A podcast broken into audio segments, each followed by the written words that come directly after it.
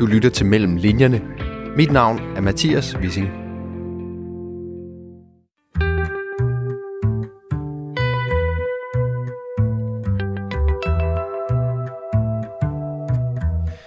Historien om Mogens Amdi Petersen og om skolesamvirket Tvind er lang og godefuld.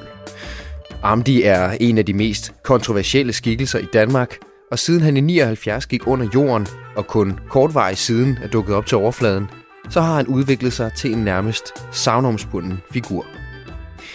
Og fortællingen om Tvind er også på en gang fortællingen om en af de mest pædagogisk progressive og nytænkende institutioner i dansk åndsliv, og om et af de mest lukkede, udskilte og verdensfjerne foretagender i nyere Danmarks historie.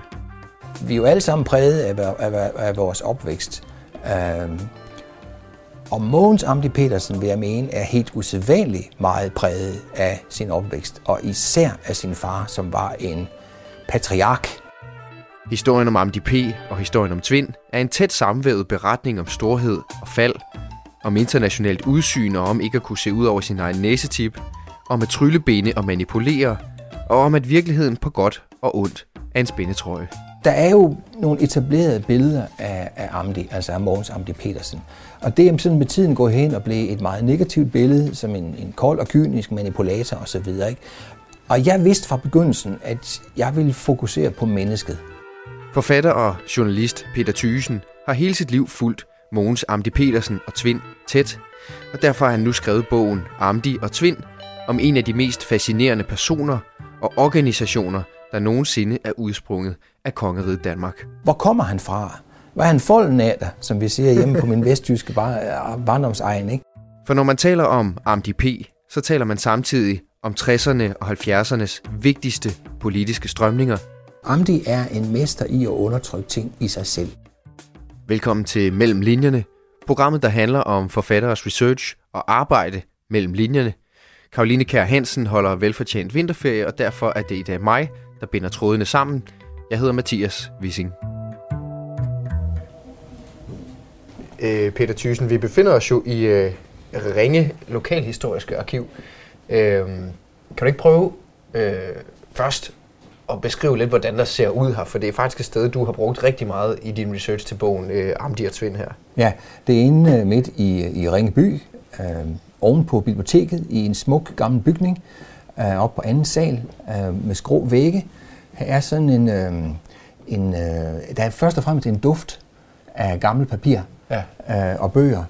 Og, øh, og man kommer ind, og her står allerede lige fra starten øh, skrivebord, hvor der er stablet ting op på. Der ligger en hel masse pjæser lige derovre. Der står flyttekasser, fordi ja, på sådan et arkiv her, på sådan et arkiv her, der får folk jo, øh, der får man jo hele tiden noget ind fra folk lokalt og bygger arkivet mere og mere og mere op.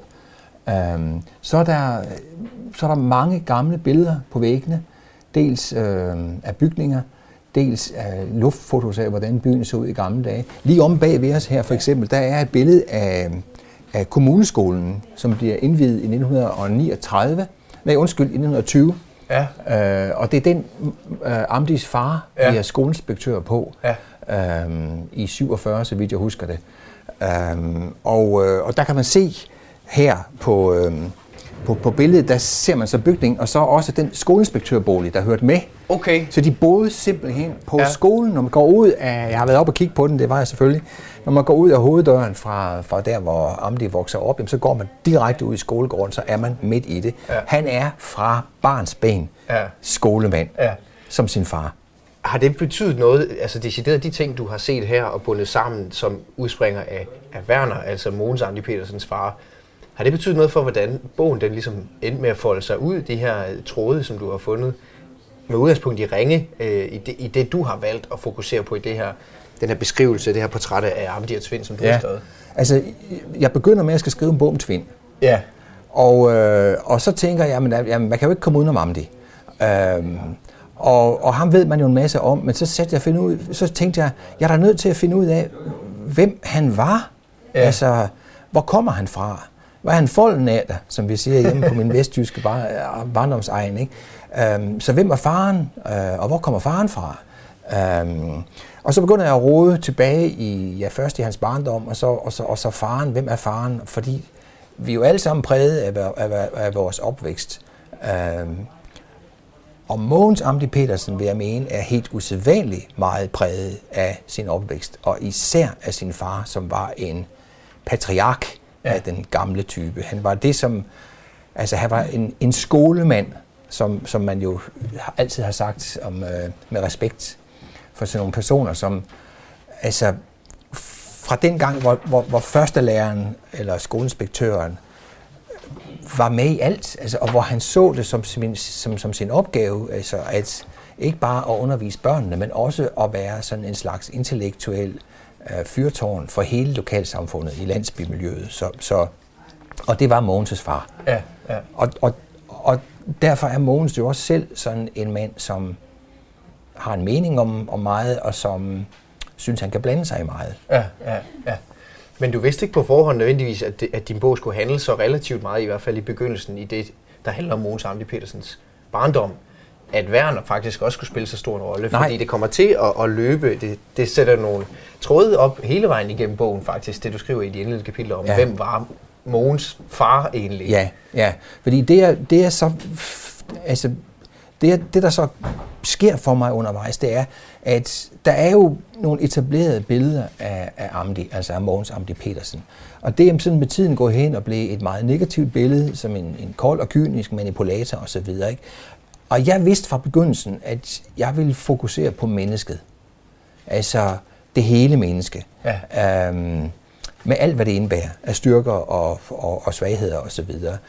Øhm, og, så, og så fordi hans far har været så indflydelsesrig på ham, så blev det til meget mere, og, derfor, og det er derfor, derfor den er et med at hedde Amdi og Tvind, altså sådan, at, at Amdi fylder meget mere. Nu sidder vi her i et lokalt historisk arkiv på, på Midtfyn i Ringe, øhm, hvor du har brugt en hel masse timer, altså med næsen begravet i øh, dokumenter, breve, artikler fra lokalaviser og tidsskrifter, og så er det her, du blandt andet finder øh, Amdis fars vandrebog øh, fra dengang, hvor, hvor han var nyuddannet lærer. Øh, kan du ikke prøve at tage os gennem det forløb? For jeg ved nemlig, at den ligger her stadigvæk. Ja. Øh, og kan du prøve at finde den, og så lige kan du prøve at uddybe, hvad den der vandrebog går ud på? Ja, altså jeg kontakter jo arkivet og siger, må jeg komme og se, hvad I har? Og så kommer man jo, og så de venlige mennesker har så lagt det frem, man må se, øh, som ikke er klausuleret. Og, og så har vi kassen her, øh, pakke 3, øh, og så lukker man den op, og så ligger der mange sjove ting hernede i den her kasse. Brun, en brun papkasse, hvor der er plads til, at der ligger af fire dokumenter ja, ude Ikke? En, en klassisk ja. arkivkasse. Ja. Og, og der ligger så lidt af hvert hernede. Der fandt jeg også for eksempel de gamle skoleskemaer fra, øh, fra, fra, fra årene, hvor Mogens selv gik i skole. Det er nu ikke hans skoleskemaer, men, men altså lærer- og klasseskema. Jeg har fra 1947, det er faktisk det år, hvor hans far kommer. Ja. Og så finder man hernede Fantastisk. i fotokopi en fantastisk skatkiste af oplysning. Og det er jo det, der er det er jo det der, det er jo der nogle gange, som, når man researcher og laver sådan noget her, så pludselig får man sådan en oplevelse, hvor man bliver helt høj. Ja. Og, øhm, og der finder jeg så det her nede, der hedder en vandrebog. Og det var noget, som unge nyuddannede lærere tit brugte dengang, når de blev færdige på seminariet, så skulle de ud og være lærere. Og så kunne der være en flok kammerater fra seminariet, som, som bestemmer sig for at hjælpe hinanden. Og så laver de en bog, en regulær fysisk bog, og så skriver de ned, øh, hvad de har af erfaringer med at komme ud og undervise børnene, og hvad de ellers laver. Og så sender man den videre til den næste, som ja. så skriver, som sender videre til den næste, ja. så kører, og sådan kører den konstant i ring. Og her har vi så den vandrebog, som G. Mikkelsen, Arnesen, Amdi Petersen, Gerhard Petersen og øh, Åge Rasmussen har sendt til hinanden. De er altså fem stykker. Hvor, står hvor, med, med sirlig skrift. ja, ja, øh, sirlig håndskrift. Og det her var fra den gang, hvor man sad og skrev med, med, med blækpind ja. øh, og skråskrift. Ja.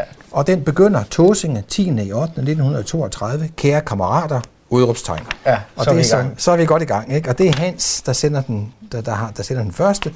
Og så går den så ellers på rundtur. Og den her holder så, øh, hvor lang tid holder den her? Den dækker, så der, den dækker næsten to år. Ja. Ja, ja lige knap to år. Ja. Og, øh, og den så har jeg også læst fra enden til anden. Øhm, igen og igen. Og der er klistret små, klistret små fotos ind her. page turner. ja, ja, her for eksempel, og så her, her er så øh, sat et lille foto ind, og her er foto mere, og, og, og, og det, der er interessant, når man så sidder og læser den, det er, og her er, her er også mange fine små tegninger. Ja, lille juletræet. Ja, nemlig. Ja. Øhm, bøde 50 øre. Jeg kan ikke lige huske, hvad der var nogen for en bøde for. Men det, der så sker, det er, at meget hurtigt, så holder de op med, altså det der pædagogiske sigte med bogen, det forsvinder. Ja. Det bliver stort og småt om deres liv. Ja. Og det er jo heller ikke, altså det er jo meget sjovere for mig i virkeligheden, ja, end, ja, ja. End, det, end det andet. Der er også pædagogiske overvejelser, men, øh, men, det, men det er alt det der liv, så det bliver næsten sådan en slags Facebook. Ja, ja det er, øh, ja, i, en, en, lukket, en lukket Facebook-gruppe. Ja. Og, og der finder jeg mange fine små detaljer om øh, Werner, altså Mogens' fars unge, ungdomsliv fra, mm. fra, fra før han bliver gift. Hans ja. karriereforløb, han skifter, han skifter arbejdsplads, øh, hvad laver han? Han, er, han kommer på en friskole og er sådan en, en virkelig øh, klassisk, energisk ung friskolelærer. Han, øh, han, han, han øh, har gymnastikholdene. Han fortæller blandt andet, hvordan han står om vintermorgenen og eksercerer med dem, så der er en helt pøl af sved på gulvet. Det, det er en af de ting, jeg kan huske. Han i vandrebogen der. Ja, ja. ja. Og så... Øh, og, øh, og hvad hedder det, han, og han, han, øh, han instruerer dilettant, altså lokal, ja. øh, lokal teater ja, og så videre. Ja. Ikke? Og, og, og så der er jo der er nogle andre sjove ting. Altså, der er et, der er et skisma i Mogens' personlighed. Øh, folk, der er på Twin, fortæller om den elendige mad, de får. Øh, fordi de skal spare, alting skal, skal række så langt på Twin som muligt. Og Mogens går foran, men han har en anden side. Han elsker god mad. Den, ja. har jeg få, den er der andre, der har fortalt mig om. Altså, han er en ren... Øh, okay. efter god mad. Ja. Men han, det er sådan en side, han undertrykker i sig selv. Han er, altså, Amdi er en mester i at undertrykke ting i sig selv. Ja. Altså at, at, at bide ting i sig. Ja. Um, og så finder jeg nogle steder her, hvor hans far skriver for eksempel, at nu, nu, nu nærmer vi os konfirmationstiden, der bliver meget god ædning. Så, han har, ja. så han har det der med hjemmefra. Ja, Igen ja. Et, et træk fra hans far. Ja, ja, um, ja. En madglæde og, en, ja. og, en, og en, en glæde ved livet faktisk også. Hvordan er det øh, for sådan en, en øh, journalist, forfatter, øh, type som dig? Altså, hvad er det for en følelse, du får i kroppen, da du får gravet sådan en vandrebog her frem, øh, og du finder dine grønne læsebriller frem og begynder at dykke ned i, i stoffet?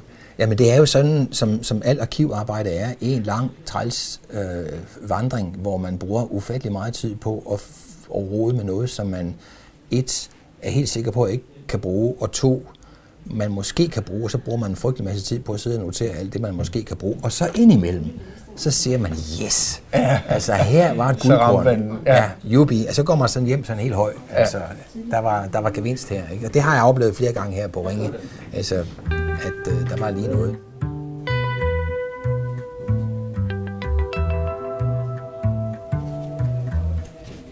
Hvordan ender den her, øh, den her øh, vandrebog øh, som du får gravet frem og kan, og kan læse i her, her, her i Ringe.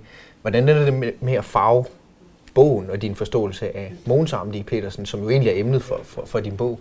Den, den, den farver den på den måde, at, at, at jeg får en dybere forståelse for, hvad der former hans far. Ja. Øhm, og ind, altså inden jeg kommer til den her vandrebog, så har jeg jo talt med, med det lokale historiske arkiv i Tøring, hvor hans far er født og vokser op ja. som, som søn af en af en ludfattig skummerfamilie. Um, så der er i, i, i så og, og det der med, at han er på, han er på en friskole, jeg, jeg, jeg forstår pludselig, at hans far kommer ud af en stærk grundvisk tradition uh, med friskole, med højskole, uh, med hele den der tankegang, som, uh, som Amdi jo tager videre og bygger videre på. Ja. Altså, han, han blev, altså, det er jo en højskole, ja. han begynder med at etablere. Ikke? En moderne udgave af, ja. af klassikeren. Jamen, der er jo faktisk et, og, og det er jo sjovt, hvordan de der to historier, for, eller fortællinger med faren og sønnen, de spejler jo hinanden fuldstændig, selvom at, at den yngre Amdi gør så meget at lægge afstand til den, til den ældre Amdi i, i, for, i form af hans autoritet og den slags ting. Altså, du skriver i bogen, at Werner kommer også fra et, øh, det miljø, der er, der hvor han vokser op, er også noget, hvor han fuldstændig lægger afstand til, men stadigvæk står som autoritet.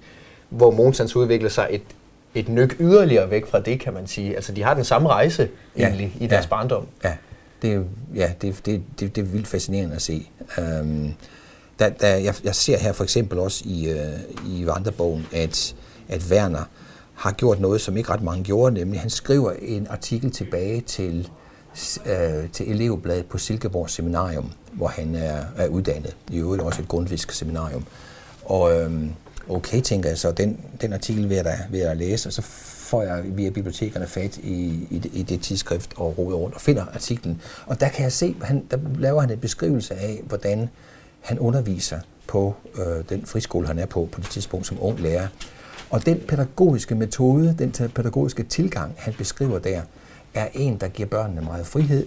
Øh, det er en, en, en, en metode, hvor, øhm, øh, okay, hvor, han, altså, hvor børnene skal tænke selv mm. og huske selv. Mm. Og det er jo en metode, som Mogens så sidenhen gør til sin, da ja. han bliver skolelærer. Ja, ja. Så det er sådan et eksempel på, at hov, der er simpelthen en til en. Ikke? Ja, altså. man kan faktisk nærmest grave ned i vandrebogen og finde Werner refererer til en artikel, han har skrevet som et slags arnested for alt det, som Mogens, altså hans ja. søn Amdi Petersen, ja, kommer til at for alvor folde ud. I hvert fald nogle grundtanker, ikke? Ja, altså, ja. som så går i arv der. Ikke? Ja. Øhm, så, og, og, man, og så fornemmer man samtidig også altså den, den, den, den ranke ryggrad i Werner, altså mm. stramheden, strengheden. Mm. Øhm, og han er jo en opkomling, altså Werner. Han er jo, kommer jo fra ludfattige vilkår og bliver til noget stort. Og der sidder jo meget ofte i, i, i folk, der har oplevet det, en, en angst for at falde tilbage, mm. altså um, i fattigdommen. Og jeg, og jeg, jeg får, det er jo sådan noget, man, det er jo der, hvor man er ude i det der grænseland, hvor man ikke kan bevise noget, men jeg får fornemmelsen af Amdi, um, vores hovedperson, som en, der vokser op med en med den der nøjsomhedsfornemmelse af, at man der ikke noget skal gå til spilde, og også den dybe angst for, at øh, det ikke må gå galt økonomisk. Mm. Det gælder om at, at samle til gårde. Det der, mm. det man nogle gange kalder ladegårdsangsten. Mm. Altså angsten for at havne på fattig, fattig, fattig hjemmet. Ikke? Fordi i Mogens Amlis liv, der er det hele tiden sådan, at han skaber fællesskaber. Uh, vi kender, vi kender det er meget, altså Tvind er jo et fællesskab, ikke? men han laver også fællesskaber før da. Mm. Og det er tilfældigvis næsten altid Mogens, der står på skødet. Mm. Eller ham, der ejer. ja. Um, og, øh, og han har simpelthen bare sådan en tendens til at sørge for, at ja, altså jeg er sikret. Ja, ja, ja. ja. Han skal, og, og det er jo også, øh, som du skriver om i bogen, det er endnu, endnu en af de mange små fortællinger om Danmarks historien, som du formår at få flettet ind. Det, kan vi, det vender vi tilbage til lidt senere, men han er blandt andet med til at starte, hvad der de facto i et eller andet omfang er Danmarks første kollektiv. Øh, ja, Danmarks det er Danmarks første kollektiv, ja. ikke? Hvor at jeg også bliver mærke i, at der er jo der er jo fest og glade dage, og bølgerne går højt, og dannelsesniveauet er ekstremt, og, og samtidig så kan og han, han er faktisk den, han tjener en fin løn på skolelærer, så han er også den, der betaler mest og bor på det mindste værelse og sådan nogle ting. Og så alligevel på et tidspunkt, så knækker det for ham. Mm-hmm. Det er som om, at han har et eller andet, øh, et ønske om at vil være den person, der kan det hele på en eller anden måde, og giver alt af sig selv, og samtidig så, så kan han faktisk ikke holde til det længden, så, mm. så bliver han nødt til at sætte en stopper for det. Ja. Øh, så det kan også være, der ligger en udlægger af, af hans far der på en eller anden måde. Hans far er bare så det gengæld så stram. Hans far er jo hans far er ikke nogen oprører. Den, den store forskel er, at hans far er ikke nogen oprører. Han går på arbejde i ja. hvid skjorte og slips, og ja. det bliver han ved med ind til sidst. Han er så korrekt, mm. så det er næst, altså, han er den korrekthed personificeret, som hele ungdomsoprøret øh, lægger afstand til. Ja, ja, og Amdi er jo suskeklædt resten af livet i mange, mange, mange år, indtil, altså indtil i sin ældre år, hvor han så pludselig skifter over og bliver meget elegant klædt. Ja. Øhm, ja. Og i virkeligheden ender samme sted som sin far, mm. bare med nogle moderne normer. Ikke? Altså, så, ja. så, øhm, så, så, så, så, så den store forskel er, at Amdi, altså Twin Amdi, er en oprør. Ja. Det er hans far ikke. Okay. Hans far kommer frem i verden ved at være som samfundet ønsker det. Ja. Og Mogens gør det stik modsatte. Ja. Og de har begge to succes. Ja. Og, og ud fra den... Ud med de samme kvaliteter laver de to vidt forskellige øh, strategier, strategier ja, ja, ja, ja. som passer til deres tid.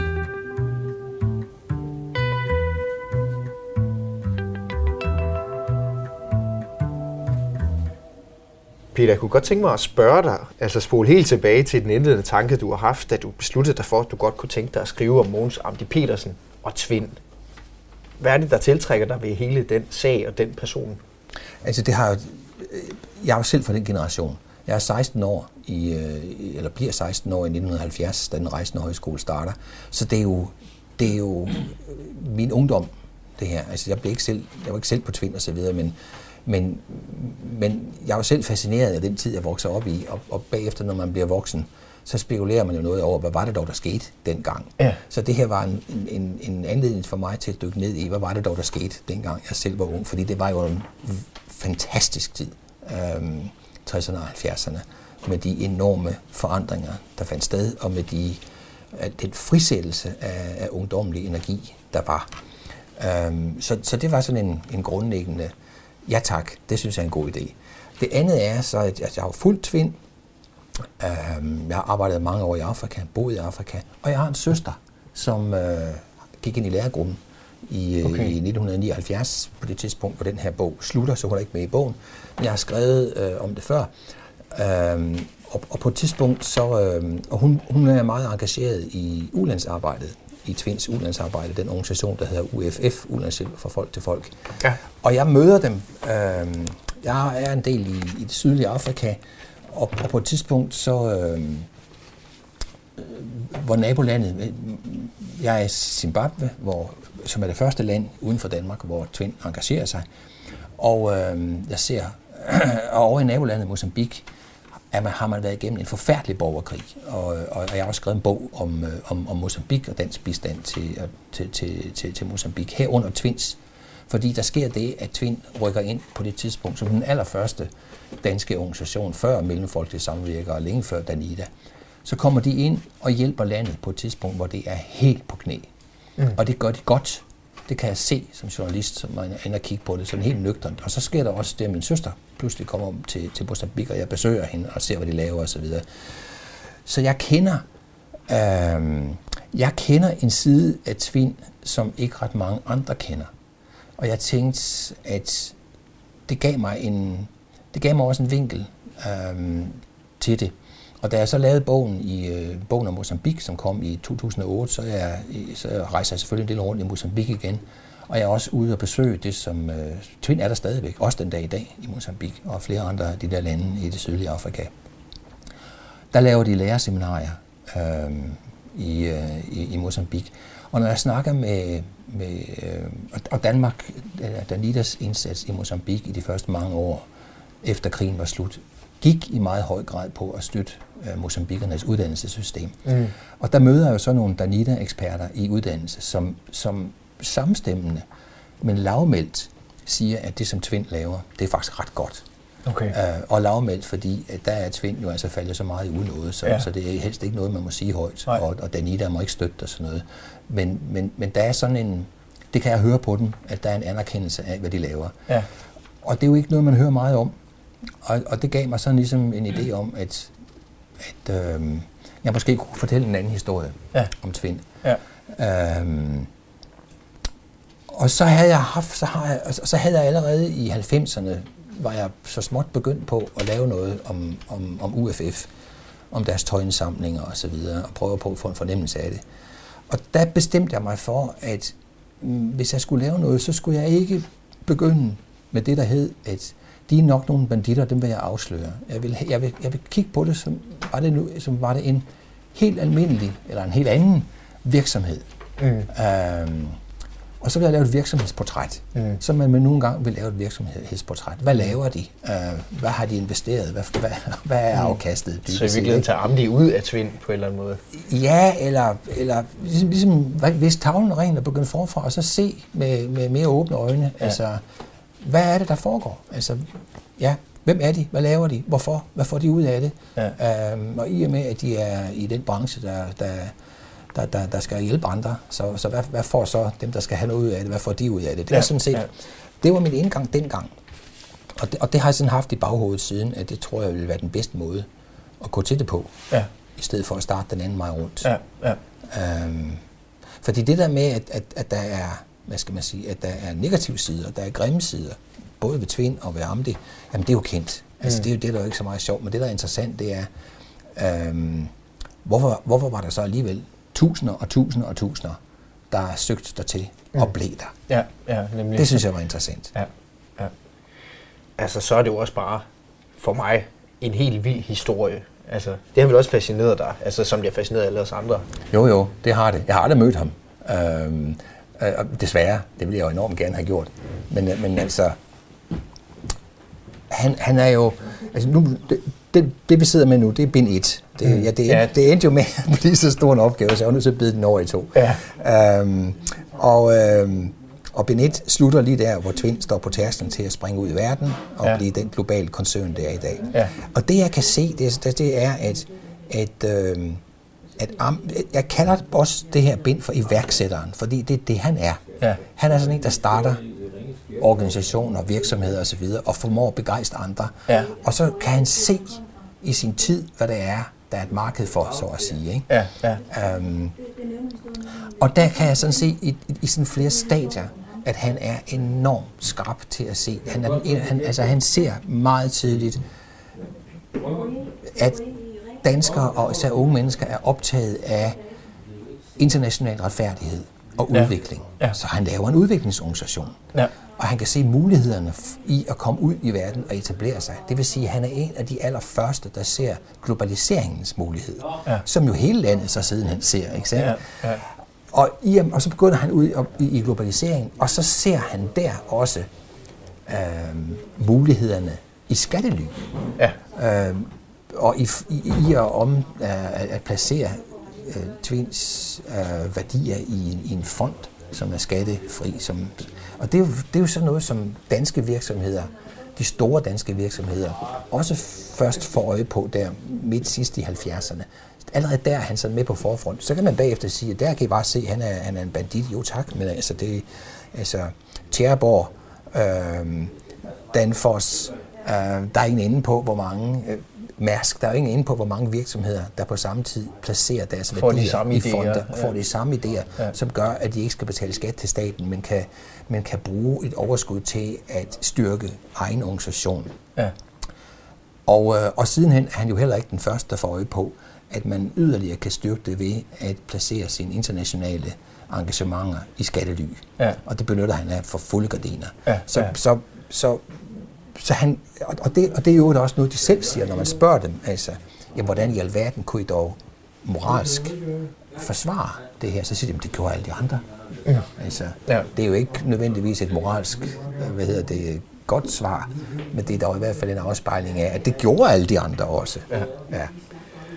Og når der så måske var så når det blev så stor en sag, at Svend gjorde det, og Amdi gjorde det, handlede det så om, at Amdi var så karismatisk, som han var, at han var ligesom også en medieperson, eller et ansigt, eller og jeg tror, det er noget, der gjorde det nemmere at fortælle historien. For det er jo en kompleks historie. Nu snakker vi journalistik ikke? og ja. formidling, og det er svært at fortælle om skattely, økonomi og den slags ting. Men når det så også handler om Amdi, den her kontroversielle person. Jeg, jeg, tror, jeg tror, det handler om, om, om lidt noget andet. Det, en, det ene er, at, at vi har at gøre med, med en organisation, som definerer sig selv som venstreorienteret i en eller anden ja.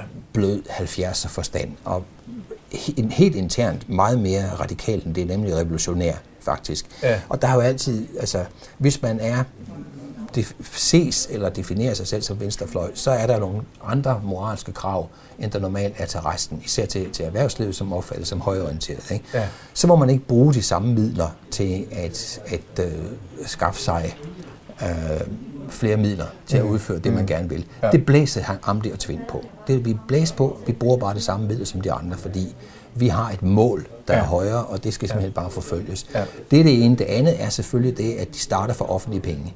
Ja. Og der følger jo også en anden moralsk øh, forpligtelse. Det synes jeg i hvert fald. Ja. Når man tager imod offentlige penge, når man fungerer for offentlige penge, så er der et krav om gennemsigtighed. Ja.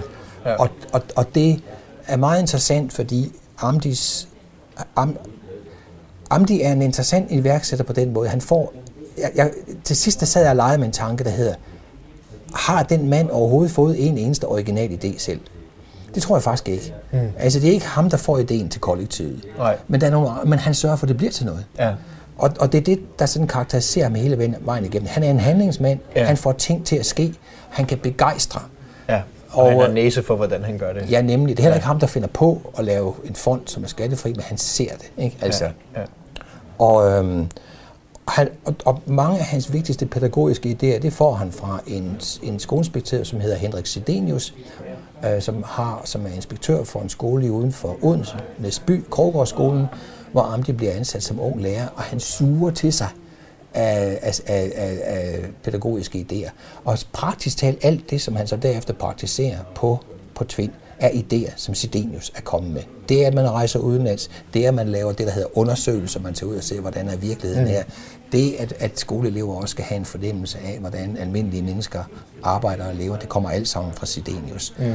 Men Sidenius havde en meget vigtig læresætning. Det var, at hvis du som hvis du kommer her og vil lave om på det etablerede, altså for ham var det så skolen, mm-hmm. så skal du være åben. Mm. Altså, du skal sørge for, at folk omkring dig forstår, hvad du laver, og du skal lægge det åbent frem. Du må ikke gå og putte med det. Nej. Og det gør Amdi. Ja. Altså, og der opstår den der fornemmelse af, at der nede under det her glade øh, kollektive samvirke er en dybere plan. En, og, og det er der også. Mm. Og, og, øh, og den afslører avisen øh, Information i 1979, og dermed bekræfter man alle dem, især på, på, på højrefløjen, der hele tiden har gået og haft en fornemmelse af, at der er noget fordækt, ja. der er noget undergravende ja. i det her. Ikke? Ja. Og der begynder det ruten, så at sige. Ikke? Ja.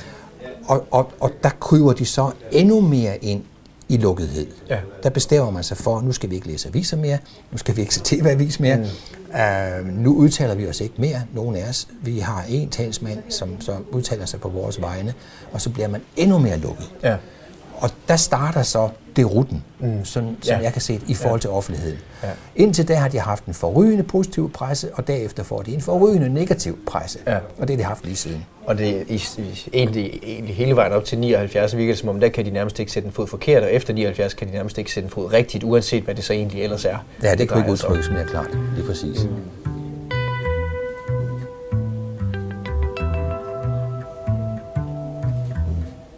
Du siger, øh, altså, nu siger du i din motivation til at skrive om Amdi og Tvind, at det er også noget med din egen generation at gøre. Det har ligget i, du, du er ligesom vokset op med det og fulgt det på en eller anden måde. Og det på mange måder så har Tvind og Amdi spejlet nogle trends i tiden, som du også formår at skrive ind i bogen her, lægger jeg mærke til. Du er meget omhyggelig med at tage læsere med omkring de her store emner og de politiske vinde, der blæser i samtiden.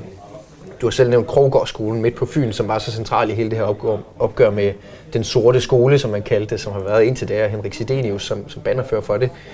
Øh, du skriver også et, et, et kapitel om, hvordan der i Danmark er blevet demonstreret mod atomvåben og den kolde krig. Øh, en meget øh, stærk bevægelse, som, som endte med også at have grene ind i ungdomsoprøret nogle år senere, skriver du om.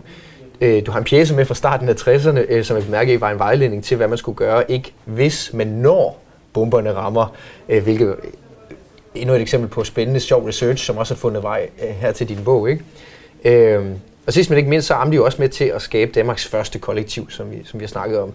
Har det været et bevidst valg af dig at samle de her ting op og lægge dem ind i din bog undervejs, som du støtter på dem i den fortælling, der egentlig handler om Amdi og Tvind? Ja, det er altså i virkeligheden er bogen måske først og fremmest en, en, en fortælling om en tid. Det er en tidshistorie og det er en historie om undervisningsvæsenet i Danmark, øh, og hvordan det hænger sammen med resten af, af samfundet. Så, fordi jeg synes, det var så vigtigt, hvis man skal forstå, hvad tvind er, og hvad tvind vokser ud af, så skal man have en fornemmelse af den tids, tidsånd. Altså, hvad var det, det var en reaktion mod? Hvad var det, det var et spydspids for? Og, og derfor har jeg flettet samtidshistorien ind i fortællingen om den. Fordi det altså, lad os nu tage tvindmøllen, for eksempel, den store vindmølle, mm. som jo blev fuldstændig ikonisk.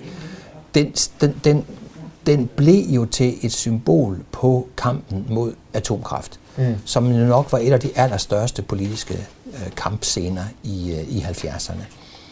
Um, og man vil ikke kunne forstå, hvorfor øh, lærergruppen kaster så enormt mange penge ind i at bygge den mølle, som de rent faktisk gjorde, og så enormt mange hvad skal man sige, menneskelige kræfter ind i det. Hvis ikke, det var fordi, de så det som et politisk øh, udsagn, mm. og et meget vigtigt et i, i, i den samfundsudvikling, der var dengang. Um, så derfor var det vigtigt for mig at fortælle samfundshistorien undervejs. Nå, men altså, men det, det, det, og det er det, jeg mener med Amdi, som, øh, altså det, er som, det, det er som om, at der er nogle idéer, som ligger i det her, som, som ligesom røg med i faldet, ja. øh, som egentlig ikke var dårlige ja. idéer. Øh, ja. De blev bare pakket ind i en dårlig ramme, eller hvad man kan sige. Der er, et eller andet, der, der er noget, der går galt undervejs. Øhm, og, og, og, og, og det, er en, det, er en, det er en større diskussion, hvad det er, der går galt. Øhm, og den kommer jeg ind på i de næste bind. Ja, det er bind to. Ja.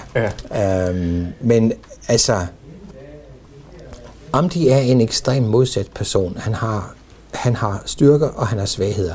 Han har styrker til hele tiden at skabe noget, men han har et eller andet i sin personlighed, som gør, at han næsten også søger mod et fald. Han kan næsten ikke lade være. Um, og så falder han. Ja. Det beskriver jeg nogle gange. Et, et, et af hans første, stør, største fald, det er der, hvor han, ikke, hvor han pludselig ikke kan blive ansat i folkeskolen. Ja. Fordi han er langhåret. Ja. Og så falder han.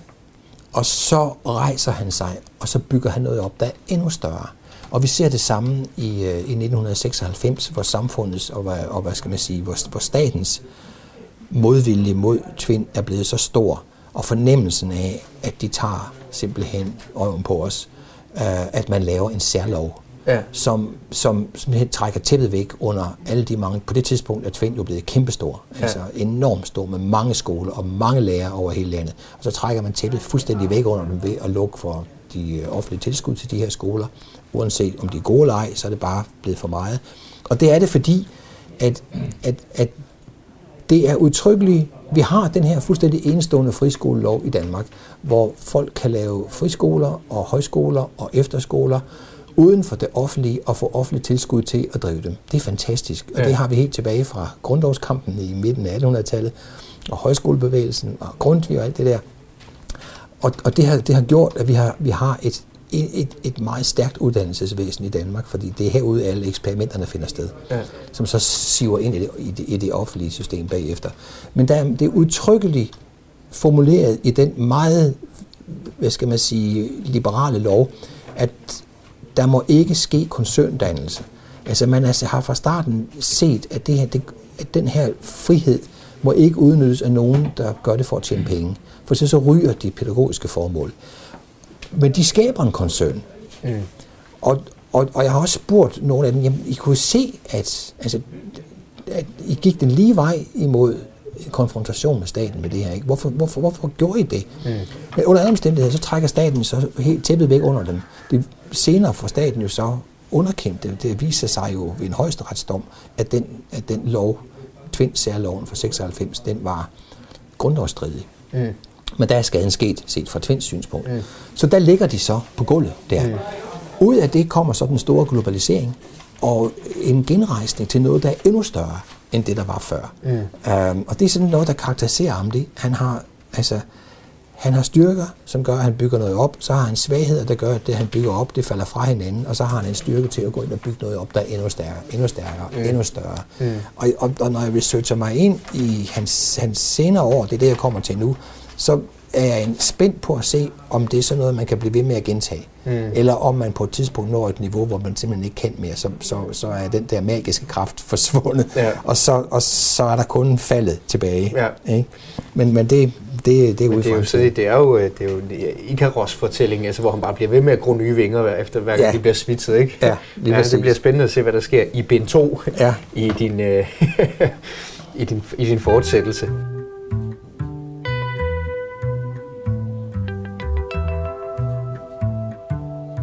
Øh, jeg skal lige binde op på den der historie om hans første store øh, fald. Øh, ja.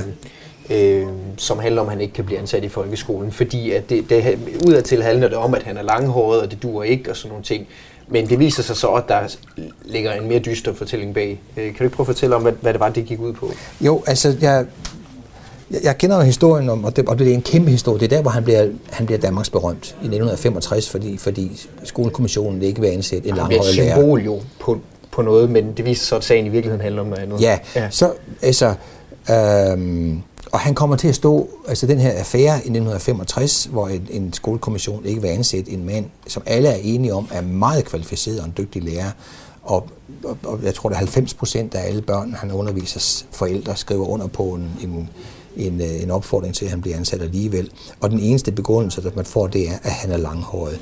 Og man kan jo altså i 65, det er der, hvor samfundet virkelig er i gang med at forandre sig. Mm. Og alle, alle hovedstadsaviser osv., de, kan næsten, de falder over sig selv af farvelse over den her ja. bagstræveriske, konservative, dumme lille skolekommission, der, der ikke vil ansætte det her mand. Så er der det meget besynderlige, at der om de så ikke har fået jobbet, og man skal ansætte en anden, der ansætter man en mand, som har endnu længere hår og endnu større skæg end Amdi. Mm-hmm. Så hvad er det dog, der er foregået? Mm. Alle har en fornemmelse af, at der må være noget gedult nedenunder. Og så i nogle år efter, mange år efter, i 2002, da Amdi bliver arresteret øh, og skal få en domstol for skattesvig og alt muligt andet i Danmark, som han en passat vinder, han bliver frikendt, det er en anden historie, øh, så er der to af de gamle kammerater for det kollektiv, som de har stiftet på det her, i begyndelsen af 60'erne, og hvor Amdi bor på det her tidspunkt, hvor han ikke bliver ansat, som skriver en kronik, hvor de hævder, at der er ganske rigtigt er en skjult årsag til, at, han, at skolekommissionen ikke ansat ham. Og de, de mere end antyder, at det er, fordi han har haft en upassende øhm, forhold til nogle af, af pigerne. Altså med andre ord, det bliver ikke sagt lige ud, men det bliver i hvert fald antydet så stærkt, som man overhovedet kan, at han er gået i seng med nogle af sine af pigerne på skolen. Ikke? Mm. Men altså at, for en, en folkeskolelærer og nogle folkeskolelærer. Ja, lige ja. præcis. Men at at skolekommissionen ikke kunne sige det højt, eller, ikke, eller valgte ikke at vil sige det højt, for ikke at, at skabe en skandale for, for, for pigen, eller for familien, eller, mm. eller hvad. Ja. Og det kan jo godt være en plausibel forklaring. Mm. Og jeg tænkte så, okay, det er altså en interessant historie. Og det er en historie, som efter de skrev den kronik i 2002, har, har haft sit eget liv i medierne i, i lige siden, og er tit trukket frem, som det, det kan godt være, at, at Amdi pillede ved, ved, ved skolepigerne. Og så tænkte jeg, okay, øh, så sad jeg og regnede og regnede. Altså en pige, som på det tidspunkt har været 14, 15, måske 16 år, eller, altså den seksuelle lavalder var vist nok dengang 15, men altså det er også lige meget. Hun vil så i dag have en alder af, nu kan jeg ikke huske det mere i hovedet, men måske lidt omkring 70 eller sådan noget lignende. Mm. Måske tænkte jeg så... Han er 83 i dag, ja, om de så kan vi regne ja, tilbage. Ja. Måske er der nu gået så meget tid, at skammen er forsvundet, eller det stigmatiserende er forsvundet, og, og, og, øh, og der er nogen, der gerne vil fortælle om det. Så jeg tænkte, nu finder jeg simpelthen alle de piger, han har haft i skolen. Mm. Og, øhm, og, og så gik jeg simpelthen i gang. Altså, du spurgte mig, hvordan, hvordan laver man sådan en bog her? Ikke? Altså, mm, mm. Og det, det er sådan et eksempel på, ikke? Altså, øh, jeg får fat i, jeg, jeg har allerede på det her tidspunkt snakket med nogle af lærerne på Krogårdsskolen og og, øhm, og der er en af dem, der fortæller mig, jamen ved du hvad, der har faktisk lige været en, øh, et jubilæum i en af de klasser, som om de havde, og så får jeg kontakt til dem, og så går jeg simpelthen i gang fra en ende af med, ja. med læser. Og, og så er jeg så, så heldig, at, at øh, fordi Krogårdsskolen var en exceptionel skole, som børnene var enormt glade for at gå i, så er der nogle meget stærke netværk af elever, der tidligere gik på Krogårdsskolen. Så det var faktisk mere muligt øhm, og begynde at, at lede efter dem. Og så gik jeg simpelthen i gang. Så brugte jeg dag efter dag efter dag på at sidde ved telefonen og ringe øhm, til den ene og til den anden, og, kan du, og kender du, og så fik jeg lister over klasserne, og så fik jeg fat i folk, der kendte noget, og så fik jeg simpelthen gravet, altså mange er jo døde siden da, men fik gravet alle dem op, jeg kunne. Mm. Og, øhm, og det interessante var så der, at de reagerede alle sammen sådan, hvad? Nej, sådan var han ikke. Altså, altså da du forholdt dem den her... Ja, den her historie, ikke? Altså fordi... Og, og sådan var han ikke. Det var ikke sådan et automatforsvar. Nej, han var sådan en god lærer, så sød, det kunne han aldrig finde på-agtigt, fordi havde, altså, en lærer, der gjorde det og ville finde på det, ville selvfølgelig gå og, og, og gemme sig med det og, og, og have et andet ydre. Men det, der var så interessant, det var, at nogen af, af kvinderne, som sagde til sig, jamen, jeg havde meget nært forhold til nogle andre lærere, eller eller der var også en, som, som rent faktisk blev kæreste med en skolelærer og siden blev gift med hende, som siger, jamen sådan et, et personligt forhold fik man slet ikke til ham. Nej. Øhm, så, så jeg tror ikke på den historie mere, efter at have researchet den i bund. Okay. Øh, at det, jeg tror simpelthen ikke på, at, at, at det var. Og så gik jeg jo tilbage til de to, der havde skrevet kronikken. Ja. Øhm, og, og jeg nåede heldigvis at snakke med dem. Den ene døde af kræft, mens, mens jeg researchede, og den anden øhm, var på plejehjem. Og ham, der døde, han siger, at det er ham den anden, der har set noget. Og så fik jeg fat i ham den anden, og han har så set på et tidspunkt en ung, en ung kvinde sidde på Amdis værelse på, på skødet af ham. Men Amdi havde en meget ung kæreste. Han blev kæreste med en gymnasieelev. Og jeg tror, det var hende. Ja. Altså helt, helt elementært. Og, og, øh, og så var der ikke mere i den historie. Øhm, Og så gravede jeg så videre. Det var i hvert fald ikke nogen af de piger, som du fandt frem til, Nej. som havde haft ham på Krogårdsskolen, som kunne bekræfte, at Nej. de havde lavet det ene Nej, og, og der var heller ikke nogen af lærerkollegerne, fordi altså, lærerkolleger ser jo også meget. Ikke? Altså, altså, det, det kan godt være, at de ikke ville have set, at han gik i seng med nogen, men de ville da så i hvert fald have haft en fornemmelse af, om han måske havde en tendens til ja. altså, at gå og savle lidt over, over ja, de store piger i klasserne. Ja, ikke? Og, ja. og de, var, de, de var alle sammen meget afvisende. Og, og, og, og så, ja, så den lagde jeg ned, og så, og så tænkte jeg, men, men jeg gik videre, fordi det var så paradoxalt, at de ikke ville ansætte ham. Og så, og så fandt jeg så frem til nogle papirer, som fortæller en helt anden historie, og det skal vi ikke løfte slørene for her. Okay. Der skal være noget sjovt at læse i bogen.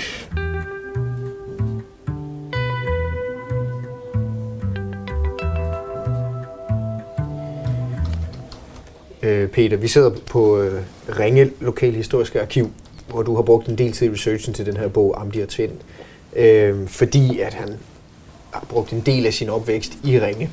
Øh, han er ikke i Ringe mere. Han er, han er heller ikke i Ulfborg mere. Han er ikke i Danmark. Han er i Mexico.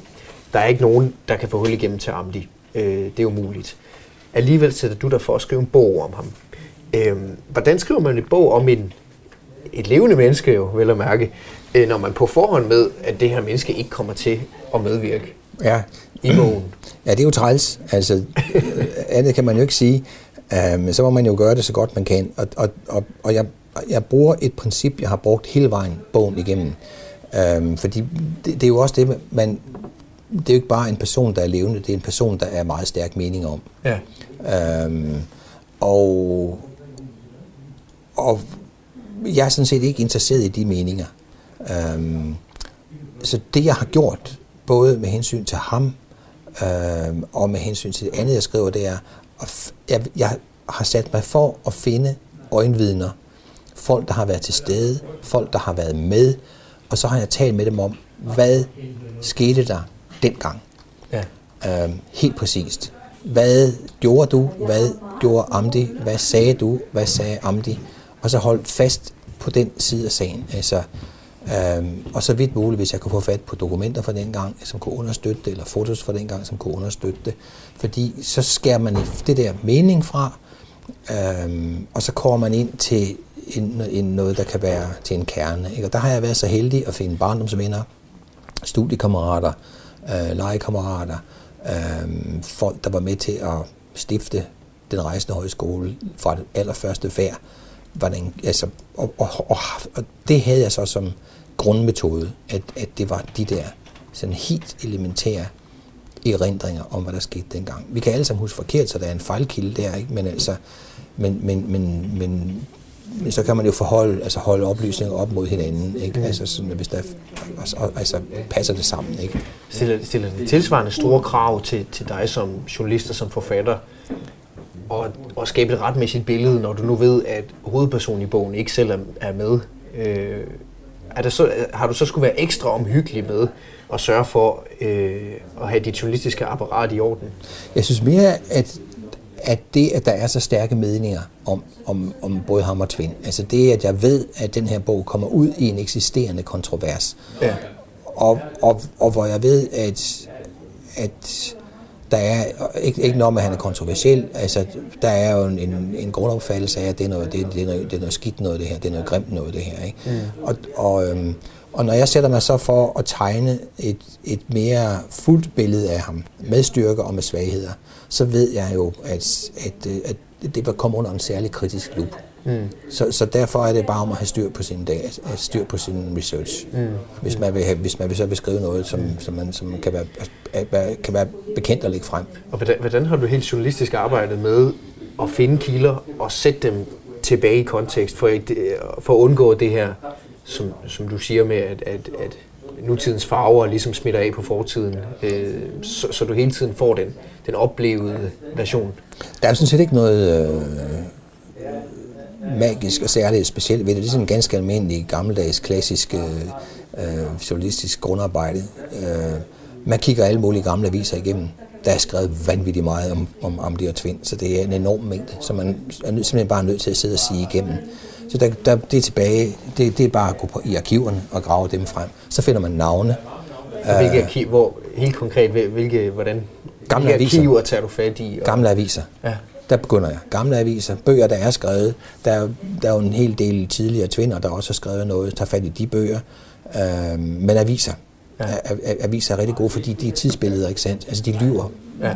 sandsynligvis ikke ret meget. Nej. Altså en avis fra 1964 skriver om det, der sker i 64. Ja. Hvis man snakker om en i dag, som skal fortælle om noget, der sker i 64, så er der en risiko for, at der er noget, der er husket forkert. Ja. Men, men de der ting, der er fra, fra tidspunktet, de har en ret høj sandhedsværdi. Ja. Øh, og, og hvis man så finder flere samtidig, der siger det samme, så må det nok have været sådan, det var. Ja. Så finder man navne der på personer, der var aktive. Jeg finder et eller andet sted en gammel artikel om Amdi som lærervikar i Marstal, øh, da han lige er blevet student som 18-årig. Og der er et foto. Øh, og, øh, og der er en mand, hvis navn bliver nævnt, og sørger om ikke Andy Jørgensen, som er nævnt der, øh, stadigvæk lever og, og kan tage telefonen, når man så graver telefonen Ja, frem og ja. siger, jamen det kan jeg huske, og så får man historie fra ham, og så siger man, "Ja, var der andre, øh, er der nogle kammerater, og det var der så ikke, og så kan man så, altså så st- på den måde stykker jeg så den lille fortælling i bogen om Amdi som lærervikar i Marstal frem. Den fylder ikke mange sider, eller måske ikke engang en side i bogen, det kan jeg ikke huske, der ligger jo mange timers arbejde i det, ikke sandt? Mm, mm. Men det er sådan, sådan, jeg har, sådan, jeg har arbejdet. Er der noget, som du godt ville have haft med i bogen, som ikke er med? Altså, fordi jeg går ud fra, at du gerne vil have haft Amdi med selv. Øh, Det vidste du godt var oppe ad bakke fra start af. Er der andre kilder, som du har drømt om at få med, hvor du så har fået afslag? Ja, der har været, der har været, der har selvfølgelig været nogen, som har sagt, at det, det vil jeg ikke fortælle om. Altså det, det har jeg ikke interesse i.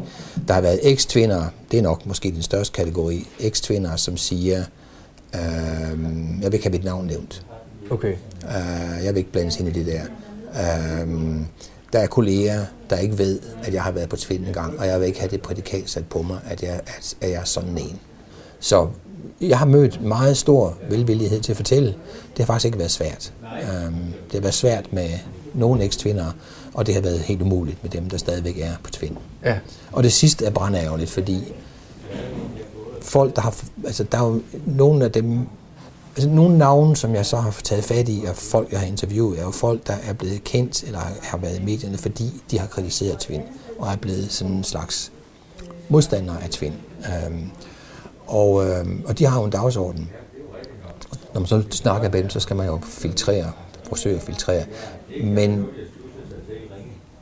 det havde jo været rigtig fedt at have dem med, som stadigvæk er der, og høre dem fortælle om, hvorfor de stadigvæk er der. Ja. Hvad er det, de har fået ud af det? Ja. Fordi det er jo det, der er hele humlen, det er, at der er rigtig mange mennesker. På et tidspunkt var lærergruppen, altså der har nok været tusind mennesker i lærergruppen, ikke? Øhm, som alle sammen har fået rigtig meget ud af det. Og jeg synes, det var vigtigt at fortælle, øhm, at, at Amdi er jo ikke nødvendigvis en manipulator, der lokker folk ind i noget, som han, hvor han vil tage røven på dem. Nej, det er, den, der er folk, der ser nogle muligheder, mm. og, og, og, og som får en frihed til, det er der mange, der har fortalt mig, vi fik en frihed til at gøre noget, som vi gerne ville. Vi opdagede evner, vi ikke vidste, vi havde. Det er jo en interessant historie. Ja. Altså, Ja. hvad var det så, I opdagede, og så videre. Og så er der så nogle ting i Amlis personlighed, som så sidenhen gjorde, at de ikke kunne den frihed viste sig at være noget begrænset, eller ligefrem noget helt andet. Og det, det, har, det skriver jeg så også om. Ja. ja. Ja. Peter Thyssen, hvad har du lært i tilblivelsen af B1 af Amdi og Tvind, som du har skrevet? Om Amdi, som du ikke vidste i forvejen. Jamen, jeg har jo lært ham at kende som et menneske, ja. hvor jeg før kun altså, så det der billede af ham som en, altså på mange måder en bandit. Ikke? Nu, har, nu har jeg, jeg har fået et billede af ham som et menneske, som har styrker og som har svagheder, som har, som har kvaliteter og som har, har sider, som er altså et meget mere facetteret billede, ikke sandt? Altså, og, en, og, og også tror jeg faktisk i kraft af, at jeg har været her i Ringe og har fået et, et stærkere blik for hans far, hvor han kommer af, et, fået et dybere forståelse af, for eksempel, hvor kommer den der lukkethed fra? Og, og, øh, og, og, og øh, hvor kommer den der oprørskhed fra? Ikke? Altså, om de er i, i, i opposition til al form for autoritet. Og, og det, det, både en, har været, det har været en styrke, og det er en stor svaghed. Sådan er det jo ofte med de kar- med stærke karaktertræk, man har. Ikke? De har en forside og en bagside. Det har jeg opdaget. Peter Thyssen, du skal have tak fordi du vil være med i uh, Mellem Linjerne og mødes med mig her på uh, Midtfyn i Ringe Lokalhistoriske Arkiv for at tale om arbejdet mellem linjerne med Amdi og Tvind. Hvordan går det med bind 2? Øhm, det går forhåbentlig rigtig godt. altså, øh, jeg har faktisk lige gået i gang, øh, så der er stadigvæk, altså, det er helt meget konkrete. Øh, jeg har fået helt unik adgang til, øh, til, til, til retsdokumenter, som ingen andre har set. Okay. Øh, jeg har fået helt unik adgang til politiets efterretningsvæsens aflytning af Tvind, som heller ingen heller andre nogensinde har set. Og, øh, og der har vi noget materiale, som er kanon spændende. det, lyder, det lyder rigtig spændende, og det lyder dejligt, at du har lupen frem igen ja. og dykke ned i det. Øh, Pøj på med researchen, øh, Peter, og ikke mindst pøj på med skriverierne, når du når der til. Tak skal du have. Det var en fornøjelse. Første ben af Peter Thysens Amdi og Tvind udkommer den 25. februar på Gads forlag. Mellem linjerne var i dag tilrettelagt og værtsvikarieret af mig. Jeg hedder Mathias Wissing. Karoline Kær Hansen er tilbage i næste uge. Jeg mangler kun at sige tak til Ringe Lokalhistoriske Arkiv i Algade i Ringe på Midtfyn, og til arkivleder Kirsten Hansen for adgang, og tak til dig, fordi du lyttede med.